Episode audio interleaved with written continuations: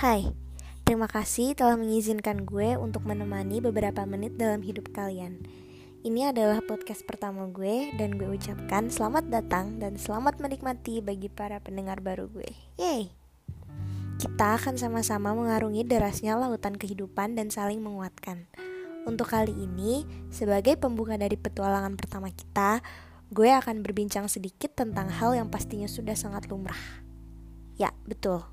Patah hati. Dan podcast ini gue persembahkan buat best friend gue di luar sana yang sedang mengalami yang namanya patah hati. Setiap manusia pasti dikaruniai oleh sebuah rasa, di mana perasaan ini terkadang jatuh di tempat yang salah. Perasaan cinta yang terlalu berlebih kepada lawan jenis sepertinya akan menimbulkan luka. Ketika apa yang diharapkan tak sejalan dengan kenyataan.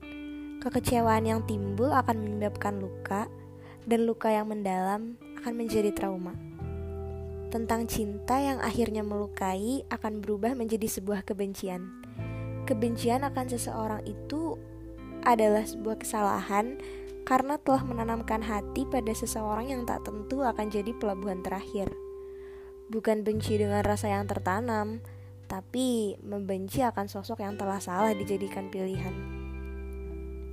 Tapi kamu harus ingat bahwa Tuhan itu baik dan Tuhan selalu tahu kapan yang terbaik datang di saat yang paling baik. Kalian mungkin ngerasa kalau dia itu orang yang tepat karena dia yang paling bisa mendapatkan hati kalian dan ya dia juga sangat sedih ketika kalian meninggalkan dia. Tapi kalian juga harus percaya jika takdir mengatakan kalian berpisah, maka suatu hari nanti akan ada orang baru yang benar untuk berada di samping kalian. Banyak orang yang gak begitu paham memaknai luka, seolah-olah kalian gak boleh meratap dan bersedih sama sekali saat terluka oleh cinta. Mereka menuntut kalian untuk selalu tersenyum dan tertawa betapapun sakitnya. Tapi jangan khawatir, abaikan aja mereka yang gak pernah tahu sesesak apa dada kalian mereka yang gak pernah ngerti betapa kalian pun sebenarnya ingin tetap merasa baik-baik aja. Tapi gue paham bagaimanapun kalian juga tetap manusia biasa. Yang pandai menipu luka seolah tak pernah kalian hiasi malam dengan berurai air mata. Seperti halnya kematian, kehilangan juga butuh dirayakan dan menangis adalah pesta terbaik untuk mengenang betapa sebuah keberadaan sangatlah membahagiakan. Kalian hanya perlu sedikit menarik nafas dan menyadari bahwa kesedihan yang berlarut nantinya akan membuat lelah, akan membuat hati gundah. Tapi sedihnya jangan ditahan, menangis saja sepuasnya.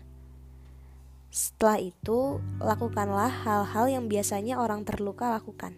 Misalnya, menyendiri, duduk mendekap lutut, mengingat siluet punggungnya yang mulai menjauh, mendengarkan lagu-lagu galau, bersenandung sampai tak sadar air mata jatuh, pergi ke tempat yang jauh, melakukan hal-hal konyol, dan melakukan hal-hal gila hanya untuk mengundang tawa.